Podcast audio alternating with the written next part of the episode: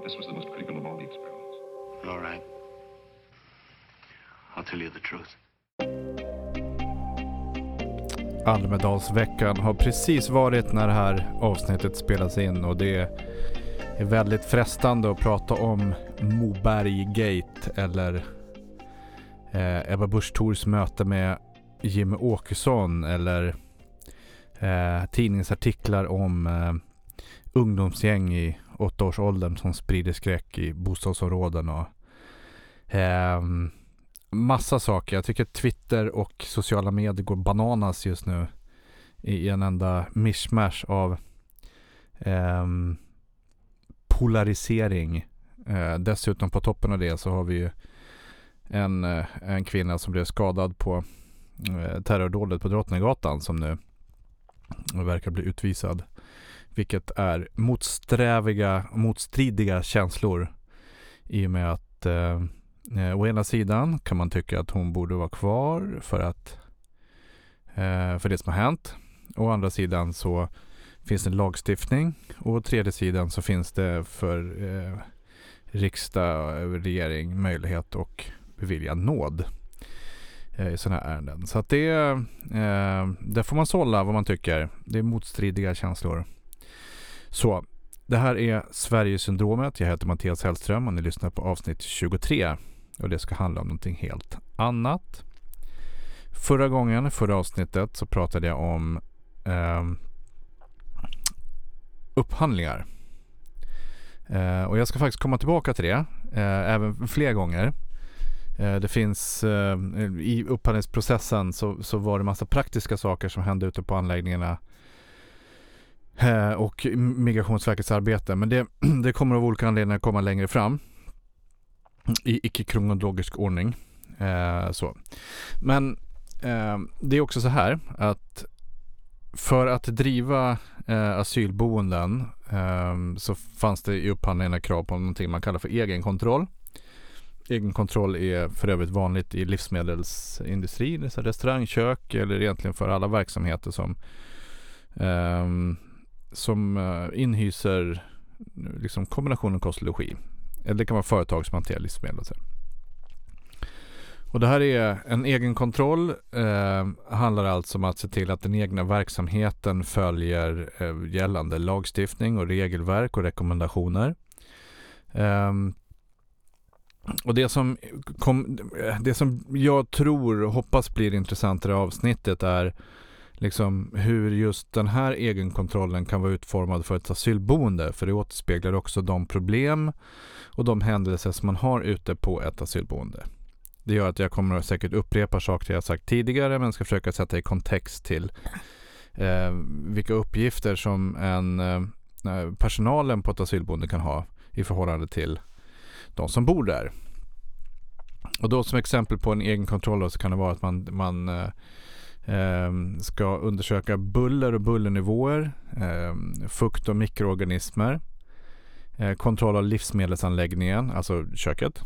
Alltså storkök om man serverar mat. Och nu vet ju ni att det är upphandlat som i boendeform eh, B med mat till exempel. Eh, för ni lyssnade på förra avsnittet och har lärt er det. Eh, rökning, eh, rodon, skadedjur, liksom kontroll av städning, eh, temperatur och då pratar vi i första hand eller man kan mäta fler temperaturer men bland annat det måste finnas en viss rumstemperatur enligt upphandlingsunderlagen. Vatten, avlopp och avfall, eh, ventilation mycket viktigt, hygien, eh, smittspridning, brand eh, och så. Så det här är en typ av ett styrdokument som man arbetar efter um, och jag tror säkert många av er känner igen det här från era egna verksamheter där ni har styrdokument eller, eller just specifikt en egen kontroll. Jobbar ni på landstinget um, inom sjukvården eller om ni jobbar eh, på eh, förskolor eller skolor eller eh, vad det nu kan vara. Då känner ni definitivt till det här. Så vi tar från toppen. Um, och då är bullernivå, eh, buller då börjar vi med som är eh, Buller är oönskat ljud, det vill säga ljud som människor kan känna sig störda av. Men det betyder ju också då att buller behöver inte, alltså det kan störa en person men inte en annan, till exempel musik. Eh, men framförallt kan det bli störande om ljudnivån är för hög. Eh, och tittar man då på varför man kontrollerar just buller är för att det kan påverka människans hälsa negativt. Eh, det kan påverka hörsel och blodtryck och, och liksom omöjliggöra en god livskvalitet. Och på ett asylboende då eh, så är det vikt, har det varit viktigt därför att eh, det är många som trängs på samma, i samma byggnad och därmed också måste ha respekt för varandra och man gnager, det gnager, allting som, som stör gnager. Och det gör att, att uh, ljudnivåer till exempel så kan ju eh, liksom över tid bli uh, upphov till konflikter. Um, så för att kunna driva på ett bra sätt och det här är alltså anledningen till att jag tar upp det nu i kronologisk ordning. Det är egentligen att vi har alltid arbetat med det här. Men i och med att det blev ytterligare tydligare i just upphandlingsunderlagen eh, så um, så fanns det anledningar liksom att mer ingående dokumentera det här uh, och därmed också implementera på, uh, på ett annat sätt. Så att vi har, vi har redan jobbat med det här men nu, nu dokumenteras det också på ett annat sätt och kraven är, är annorlunda.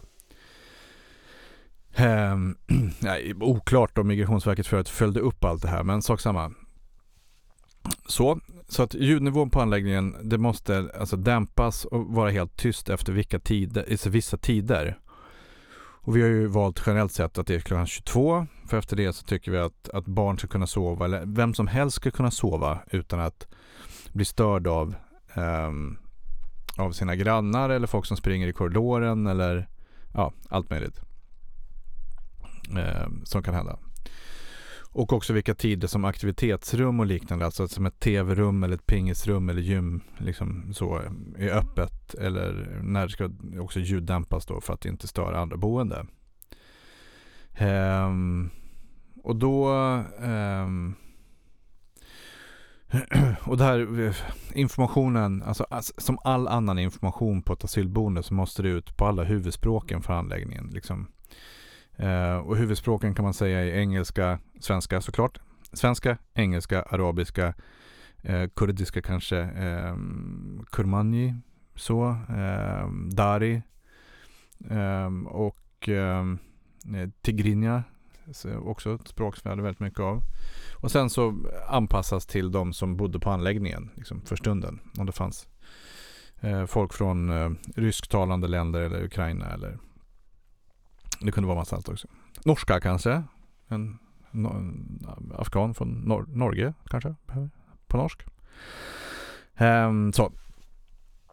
Och sen också hur de, ska kunna, hur de boende ska kunna hantera. Och buller är um, otroligt frustrerande. Tänk att ni, och, uh, när ni bor hemma, då har ni, eller är hemma, då har ni kontroll på ett buller. Ni är vana vid buller, liksom fläkt, eh, tvättmaskin, diskmaskin, det kanske till, kanske till och med somnar.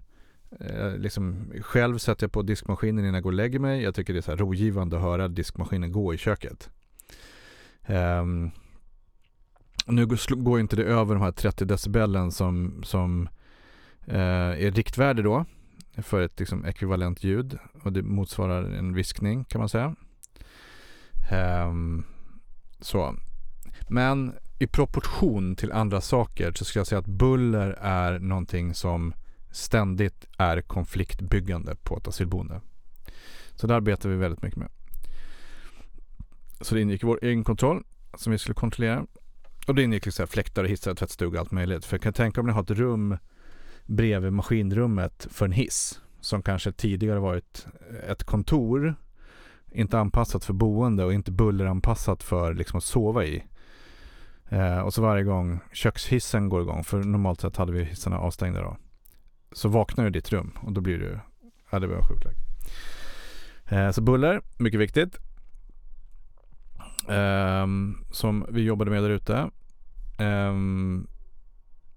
fuktorganismer, en annan egenkontrollspunkt. Eh, och det här är vi egentligen eh, kanske inte en av de relevantaste, men det handlar, det handlar om, om, om eh, liksom mer om husets konstruktion. Och om, om jag ska ta den här punkten och göra den och verklighetsförankra den så skulle jag vilja säga att det här är viktiga saker för fastighetsägare som idag inhyser nyanlända i till exempel hyresrätter.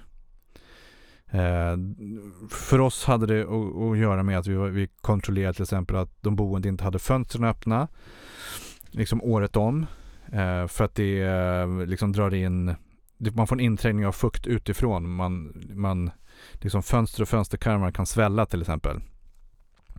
Och det gör att, att du, kan få, du får skador som inte alltid går tillbaka. Eller att eh, liksom badrummen har eller inte har fuktspärrar eller otillräckliga funktioner liksom så, som måste kontrolleras över tid när de blir högt belastade och sådär. Eh, och det är eh,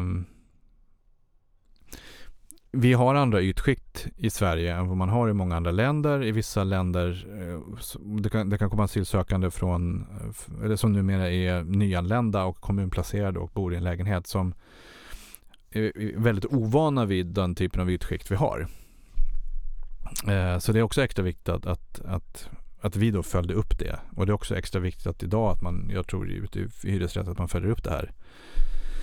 Ehm, samma sak kan vara att, att om man höjer luftfukt, luftfuktigheten inomhus, till exempel om du ställer massa kokande grytor på spisen så höjer du luftfuktigheten i ett hus.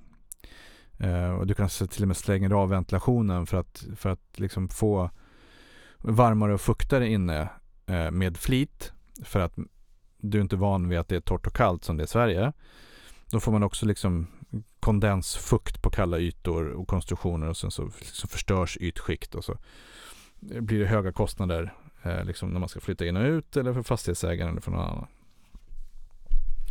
Um, så att man kan ta fukt och mikroorganismer lite sådär, hmm, det är inte så farligt. Men är man inte van vid vår, den typen av ytskikt vi har, då är det väldigt viktigt. Um, så, så att det vi informerar de boende om, liksom, det, kan, det kan tänkas vara eh, små enkla saker för er som lyssnar. Men just att man ska använda golvskrapa när man har duschat, eh, att liksom man ser en skadat våtrum ska man rapportera det. Vikten av att hålla liksom ventilation och sånt öppnande och ej förtäckta för att på något sätt liksom stoppa luftflöden och, och liksom att golv och utrymmen ska tvättas med en rimlig mängd vatten. Vi kommer tillbaka till det till städning men eh, det är också så att om, om, om du inte är van vid laminat eller ekfaner eller, eller liksom riktiga ekgolv eller vad det nu kan vara. Utan du är van vid ett eh, cementerat golv eller eh, jordgolv eller eh, kakel eller något.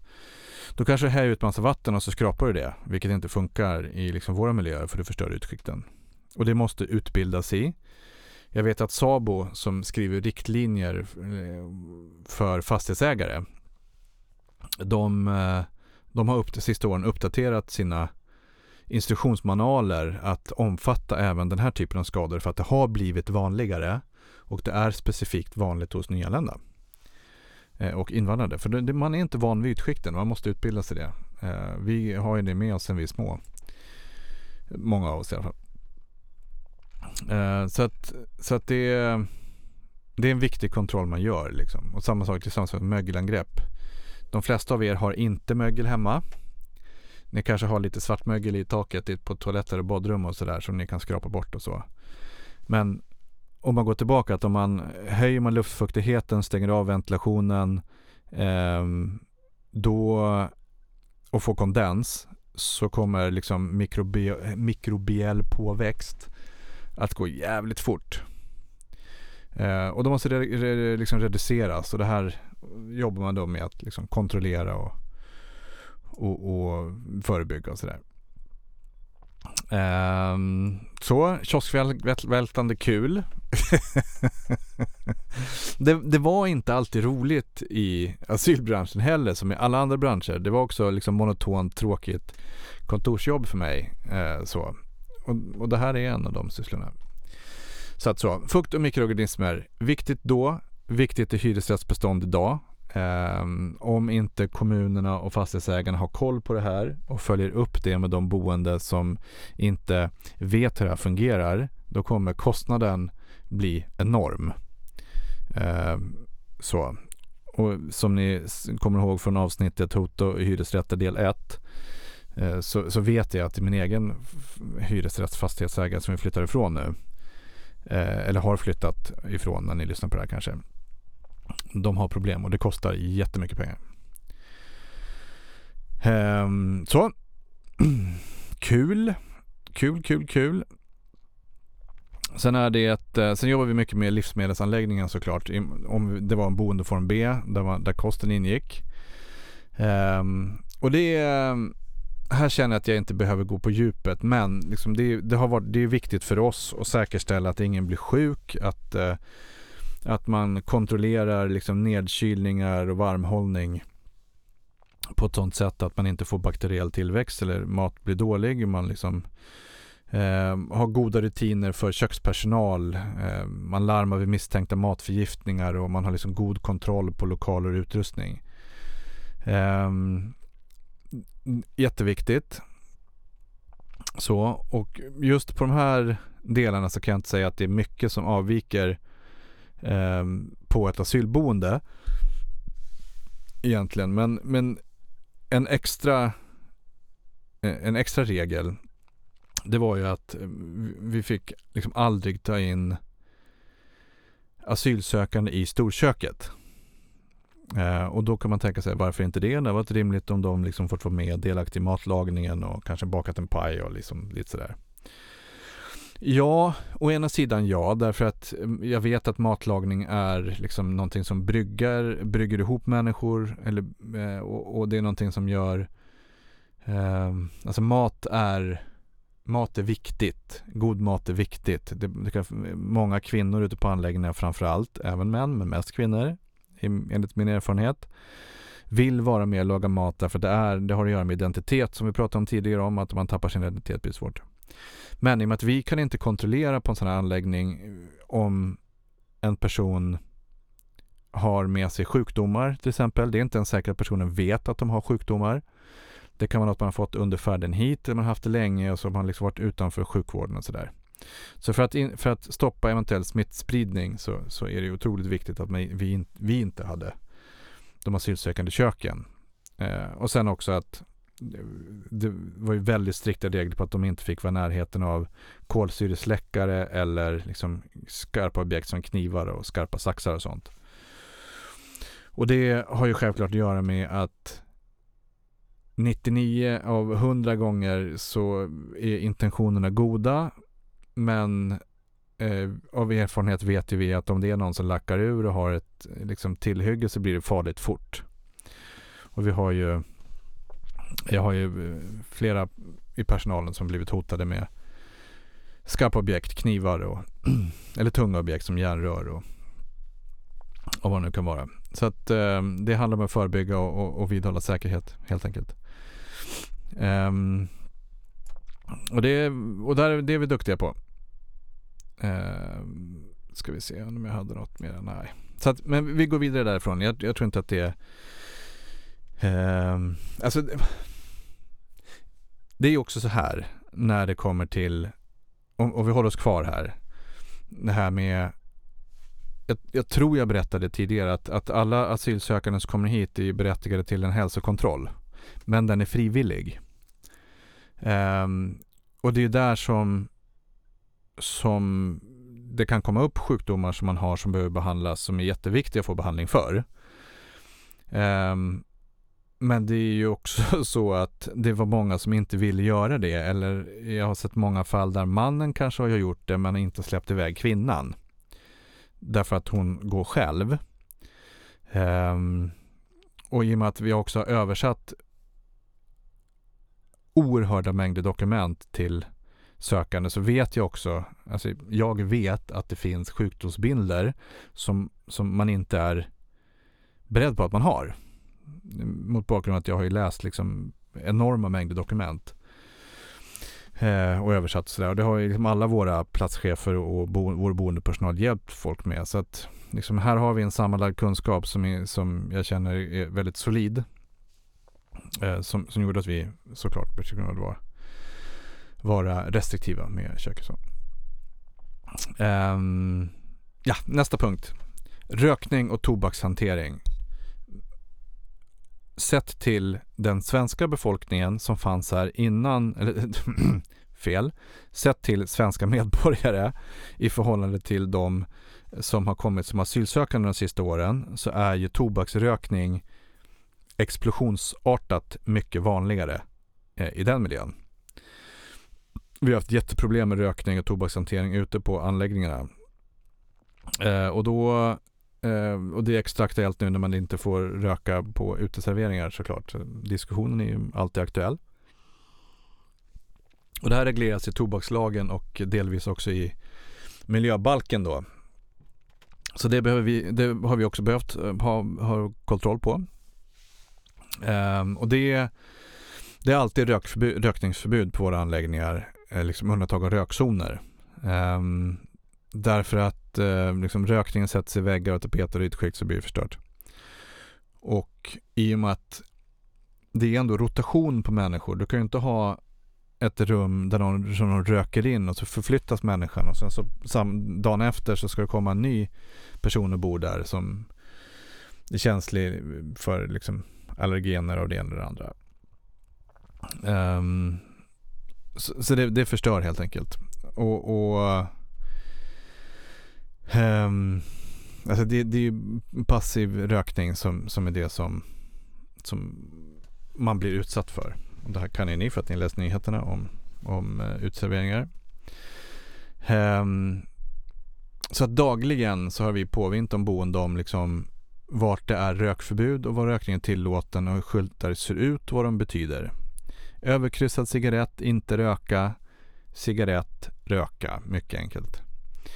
Um, och man måste i sån här verksamhet sätta upp liksom förbudsskyltar ta fan överallt. Tyvärr så finns det ingen, för de som röker på en anläggning eller på ett rum. Alltså jag har ju sprungit in i rum hundra tusentals gånger liksom, och då liksom pyrt en cigg i askkoppen. Eh, men det, det, finns inget straff för det. Man kan inte straffa en, en eh, någon som röker riktigt. Och det här har ju tyvärr de asylsökande vetat om och Migrationsverket har varit väldigt dåliga på att stötta oss på anläggningar därför att de också inte har ett medel att ta till. Och då kan man ju liksom i början, så man är väldigt, eller jag har, väl, jag har försökt vara väldigt aktiv att, att liksom ge mig på rökare genom hela tiden men när man inte får effekt så blir det svårare. Och det här är också återigen någonting som, som man måste tänka på när det gäller de hyresrätter som används av nyanlända idag. Att rökningen är vanlig, man är van att röka hemma och inne. Um, precis som jag sa tidigare att man är van att ha fönster öppna väldigt länge så blir det förstört även fast liksom det var fuktigt och kallt. Så. Jag kanske inte sa det men jag tänkte det. Um, så, så blir rökning verkligen ett problem och det, det, det är ett problem som kommer att kosta väldigt mycket pengar. I många av våra fall också så kunde det dra igång brandlarm och sådär. Ehm, så vi eh, jobbade ihjäl oss för att, stoppa rökning helt enkelt. Ehm, och det ehm,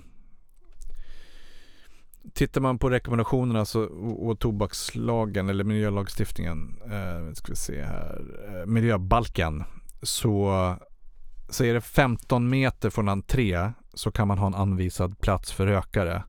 Och det ska vara placerat så att man inte behöver passera platsen när man tar sig till entrén. Det är kanske är något att definiera för utserveringar. Så alla förstår vad som gäller. Om det nu är, är det där också. Rökning, eh, jättejobbigt för oss. Kommer garanterat vara en jättestor grej. Och jag tänker faktiskt på det varje gång som jag ser någon, någon åka i en bil med nedvevad ruta och det bara bolmar ut rök. Eh, att eh, rökning är ett problem. Det har blivit ett större problem och det kommer att vara ett jätteproblem med hyresrätter för där man har nyanlända. För de röker mer. Alltså vi ligger väldigt långt fram i det här non-smoking generation-pratet. Alltså vi har hälsan mycket, mycket naturligt i oss. Eh, så vi har också haft, jag, jag, ser framför mig att vi har haft andra möjligheter för hälsa och träning. Liksom som gör att man kanske inte röker aktivt. Jag har också rökt bitvis eh, och snusat och sådär. Jag gör ingenting av det idag förutom cigarr då möjligtvis. Eh, men det, eh, då var jag yngre. Det var liksom en sak. Men um, när rökning sitter i kulturen på ett annat sätt och när man inte liksom när hälsoeffekterna eller hälsokonsekvenserna av rökning kanske inte är inlärda. Man vet kanske ingenting alls om det.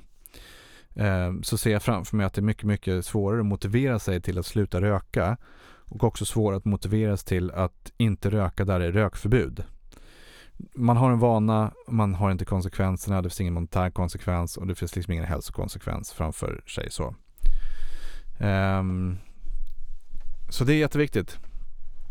Hade jag varit fastighetsägare idag hade jag gjort kontroller av rökning ofta. Uh, det kommer att löna sig både för hälsa och för ekonomi.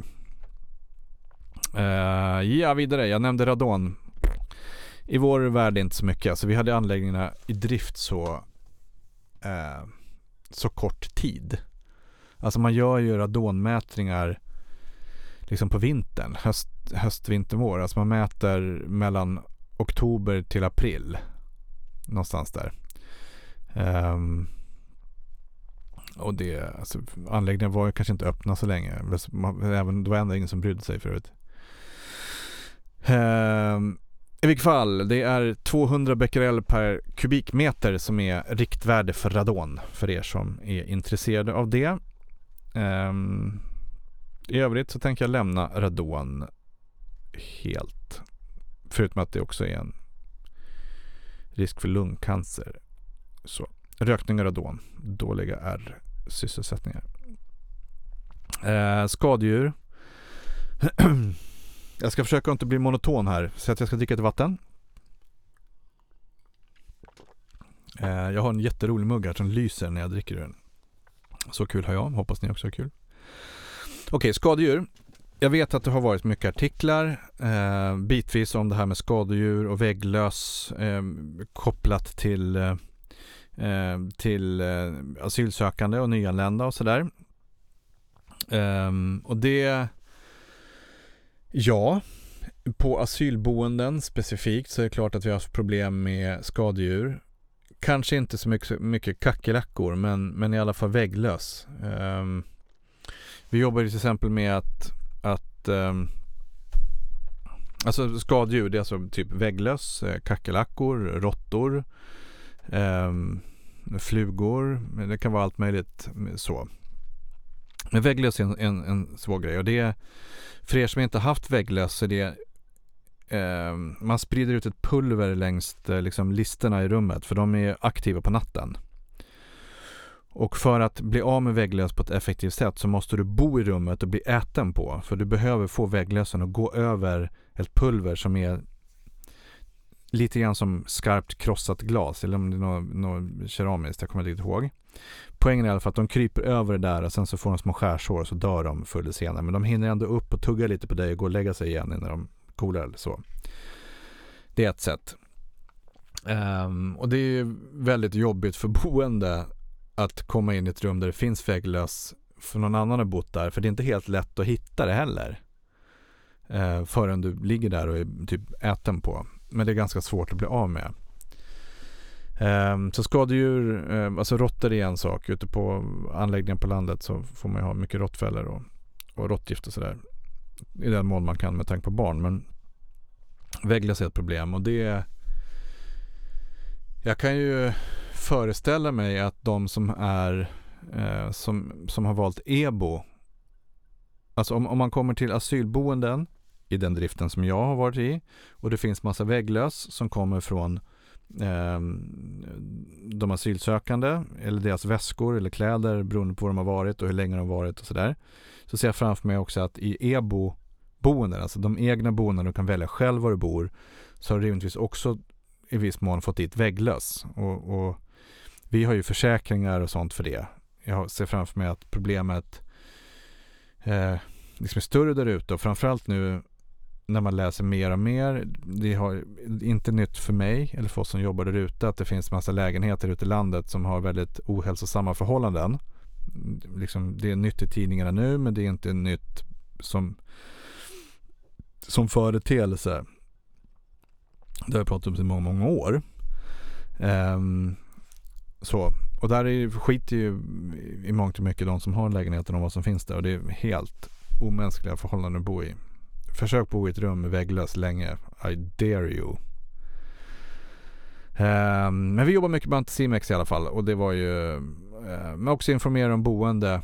Liksom hur man ska ha personlig hygien, liksom städa rummen och skadedjur kommer ju mycket till att man förvarar livsmedel på rummet. Det var väldigt lätt att åka förbi ett asylboende och säga att där är ett asylboende.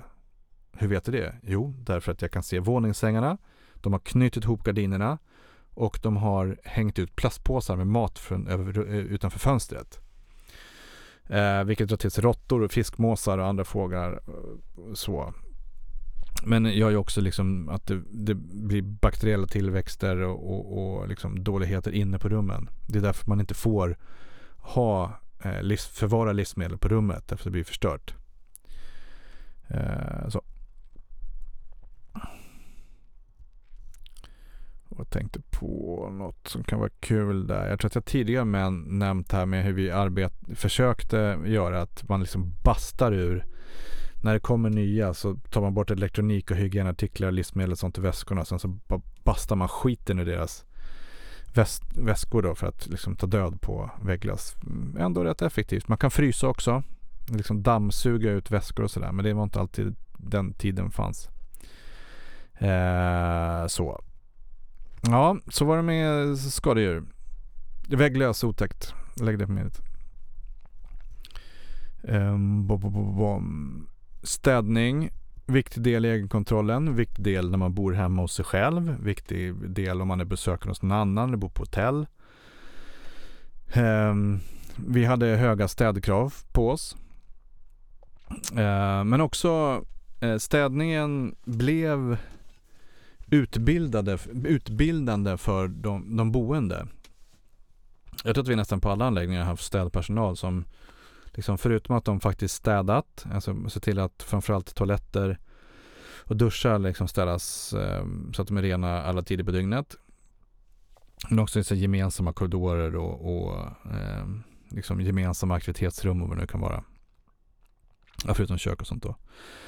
Um, men det har varit en, en väldigt utbildande del i deras jobb.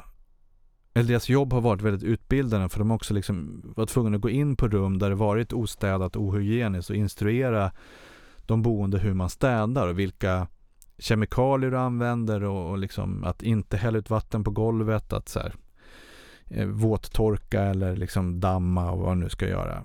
Så att en uppsida med att ha bott på ett asylboende om det varit engagerad personal är att man också blivit utbildad i massa saker.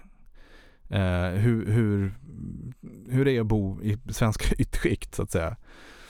Eh, och lära sig liksom vikten av att hålla rent. Man blir inte sjuk och det är trevligt och sådär. Och det är, det är jättemånga som kommer hit som inte kan städa. Precis som att det finns många som är födda i Sverige som inte heller vet hur man ska städa. Eh, så. Eh, men vi har åtminstone haft möjligheten att, att, på något sätt vara med och utbilda de som har kommit hit eh, i den mån vi kan. och, det, och, vi har ju också erbjudit städmaterial. Liksom. Det har ju varit en del i, vår, i vårt, eh, det vi upphandlade för att tillgodose de boendes eh, behov av städmaterial. Och städmaterial. Eh, och då också, där ingår ju också tvättmedel. Eh, såklart. Um, och då hade vi, oh jag kommer ihåg det, det var i början var det jätteproblem för man fick sitta och dela ut tvättmedel i typ burkar och påsar för att dels så försvann det, det hamstrades tvättmedel Så vi var tvungna att portionera ut det och innan vi hittade sådana här eh, liksom, ungefär som diskmaskinstabletter ehm, eh, som man använde en i taget så gick det åt oändliga mängder med, med tvättmedel. Eh, så så vi hade också väldigt mycket utbildning i hur man använder tvättmaskiner för vissa. Eh, till exempel att inte använda schampo i tvättmaskin för då har man lödder i liksom hela undervåningen. En eh, schampofylld eh, eller diskmedelsfylld tvättmaskin löddrar otroligt mycket. Eh, lite grann som att hälla i, om ni någon gång har hällt schampo i, eller tvättmedel i en fontän. Det blir liksom så här, eh, typ ett helt torg blir helt, blir som ett foam party. Eh, så blir det en tvättstuga om man häller i det. Det är inte alls kul om man är ansvarig. Så. Men när man lär sig städning får man åtminstone lära sig saker som liksom storstädning och vad höghöjdsstädning är, det vill säga att städa uppe på lister och i taket. Och hur ofta det ska ske. Eh, så att en eh, avart och en, eh, en arbetsskada är att varje gång jag kommer på hotell så kontrolleras här liksom städkvaliteten om den är höghöjdsstädad och, och sådär. Jag kan verkligen inte sluta. Sjukt tråkigt. Men Ja, ska jag. Eh, nu har vi pratat 36 minuter. Det tycker jag är ändå, och för er som är kvar, som har orkat lyssna på mig i 36 minuter medan jag pratar om egenkontroll. så säger jag tack, jag, jag älskar er lite grann. faktiskt. Eh, för att ni eh, orkar lyssna på det här. Men det är faktiskt viktigt. Eh, liksom för, för, för, oss var det viktigt. Eh, hur tråkigt den är att arbeta med det. Och det var ju så att när man startade asylboendena så var det liksom extremt mycket arbete med att få folk på plats och det var turbulent. Man hade liksom slagsmål och liksom hierarkierna sattes och sen så kom det någon lunk.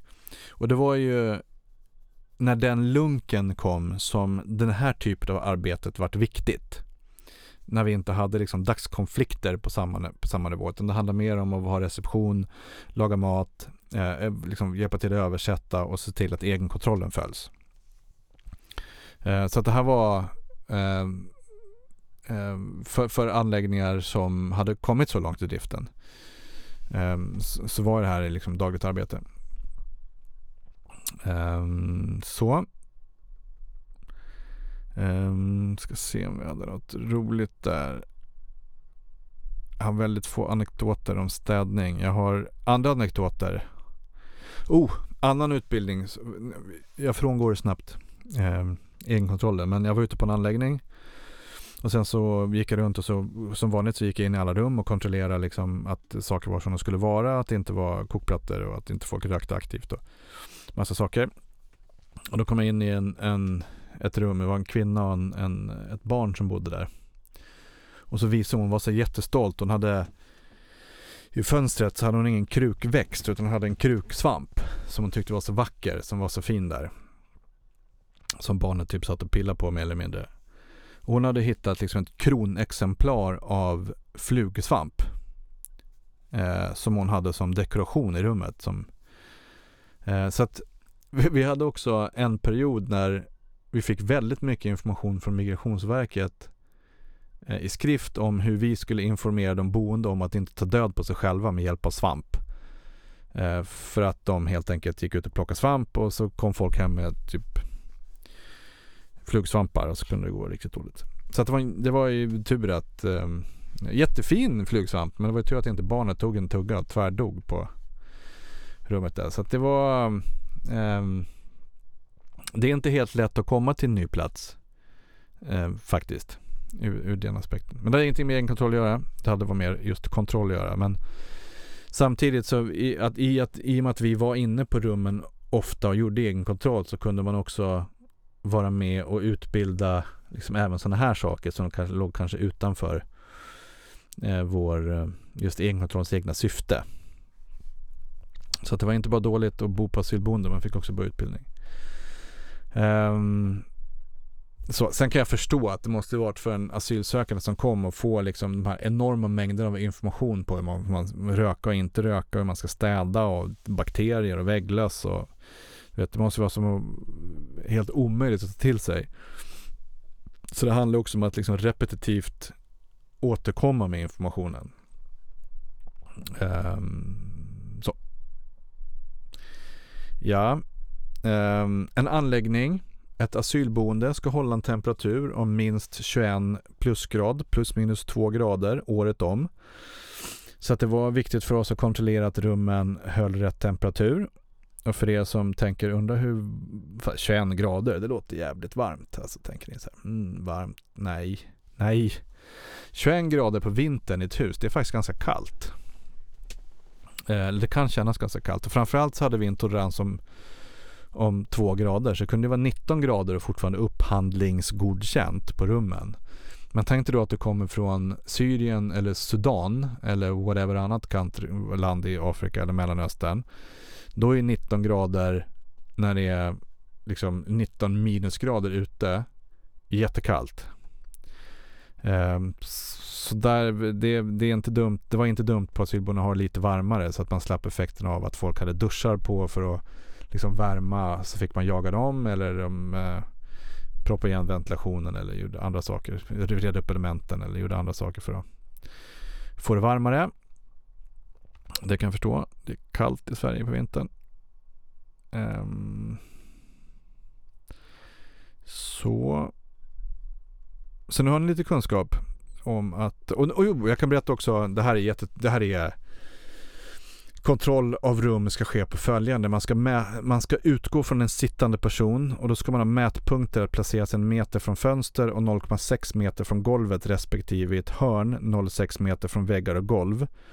Och i de zonerna så ska man inte avvika från Migrationsverkets krav på värme. Ja. Gick man runt och mätte, måste ju sett jättekonstigt ut när man kom in i ett rum och så bara Excuse me, I'm Mr Mattias. I will now uh, measure the temperature of your room.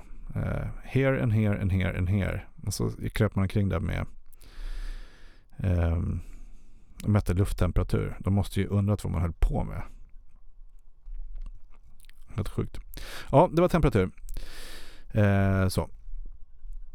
Eh, Migrationsverket har också krav i upphandlingen på avfall, det vill säga att man skulle jobba med källsortering och kunna redovisa hur man gjorde det. Alltså avfallshantering. Eh, vilket inte var helt lätt med tanke på att de flesta eh, som kom till asylboenden inte hade en endaste aning om hur man källsorterar. I Sverige är vi väldigt duktiga på att källsortera, tror jag eh, i, i förhållande till många andra länder. Eh, det, det, det, det var jättesvårt. Alltså vi fick ju böter eh, när vi, liksom, vi hade containrar stod på anläggningen och skulle slänga skräp och det var ju inte helt ovanligt att något bolag kom och sa att man fick böter för att det låg fel saker i fel container för att de hade skickat en mikrovågsugn i, i liksom eh, pappcontainern. Och det var ju inte vi, utan det var ju någon annan som, som inte riktigt förstod det här med källsortering. Så att vi försökte ge dem klimatråd redan där. Hur man källsorterar. Det var inte helt lätt. Jag kan säga att vi lyckades absolut inte. Ehm, på något sätt. Och jag tror också att ehm,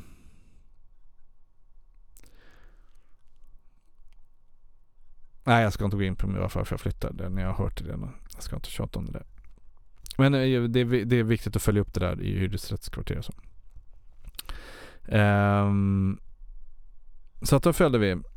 Uh, och det var ju som sagt upphandlingskrav på den. Och sen så måste man kolla med saker med liksom värme, hur, att vattnet minst håller 60 grader, varmvattenberedarna. Uh, för att det inte ska bli bakteriell tillväxt och, och sådär. Uh, försöka få folk att förstå att man inte ska fylla toaletterna med ja, fel saker så det blir stopp och sådär. Eh, återigen, man kan tycka att det är lite löjligt men det är inte alla som, som har kunnat hantera en toalett. Och om du har 100 boende på en anläggning och 99 stycken eh, vet hur man hanterar en toalett och så kommer någon som inte vet hur man gör det, då blir det ju problem för alla kan jag säga. Det blir stopp och så blir kaos. Och det vill man inte ha på ett asylboende. Det är kaos nog. Um, ja, så var det. Eh, ventilation pratade vi lite grann om förra gången då. Alltså det här egenkontrollen är mycket just kontroll. Alltså tråkig återkommande kontroll. Eh, Så att ni kan få en övning här. Ni kan få eh, om ni är hemma eller när ni kommer hem, då går ni till ventilationen och sen så eh, kan ni känna att det drar. Eh, för ett eh, asylboendet var riktvärdet 4 liter per sekund. Så att om du tar om du tar toalettpapper eller eh, liksom ett hushållspapper, då ska du kunna lägga upp det mot din ventilation och så ska det liksom sugas fast. Om du gör det så har du ändå en, en hyfsat bra ventilation. Om det inte händer någonting eller om du inte känner luftdrag, då tror jag att du ska gå och kolla om din fläkt funkar. Och det är viktigt för då kan du vara då? Undvika bakteriell tillväxt. Eh, till exempel mögel och massa annat. Jättebra med viktig luft. Du kommer sova bättre, det kan jag lova. Det är bara bra saker med bra ventilation. Eh, och vi hade problem att man proppade igen, man satte igen ventilationen då för att, för att man tyckte att det var för kallt. Eh, och i och med att det varit många hotell och kursgårdar med mekanisk ventilation så blir det ju, alltså det, det är bra tryck i dem. Um, tänker själva när, som jag sa tidigare att när ni åker till ett hotell och ska ni bo där så ligger ni och fryser på natten för att liksom ventilationen är, gör att rummet blir kallt vid trerycket. Ehm. alltså det, är på riktigt, det här är på riktigt så tråkigt så till och med jag somnar eh, lite grann här. Men eh, nevertheless väldigt viktigt. Ehm. smittspridning. Alltså jag tror inte vi har haft något riktigt utbrott någon gång. Men man får vara på tårna liksom. Man vill inte ha eh, magsjuka på ett asylboende när alla, nej det blir dåligt. Däremot så har det varit mycket periodvis när det gått löst. Ni vet ju själva, ni som har barn, när det går löst på förskolan eller skolan och liksom Eh, kan ni tänka er då vad som händer när man bor på ett anläggningsboende? Eh, där exponeringen för någon som får löss i håret blir liksom hela tiden. Det blir, det blir typ en rundgång av löss. Eh, så det har vi bitvis haft, haft också. Eh, och det ehm, där får man jobba mycket med.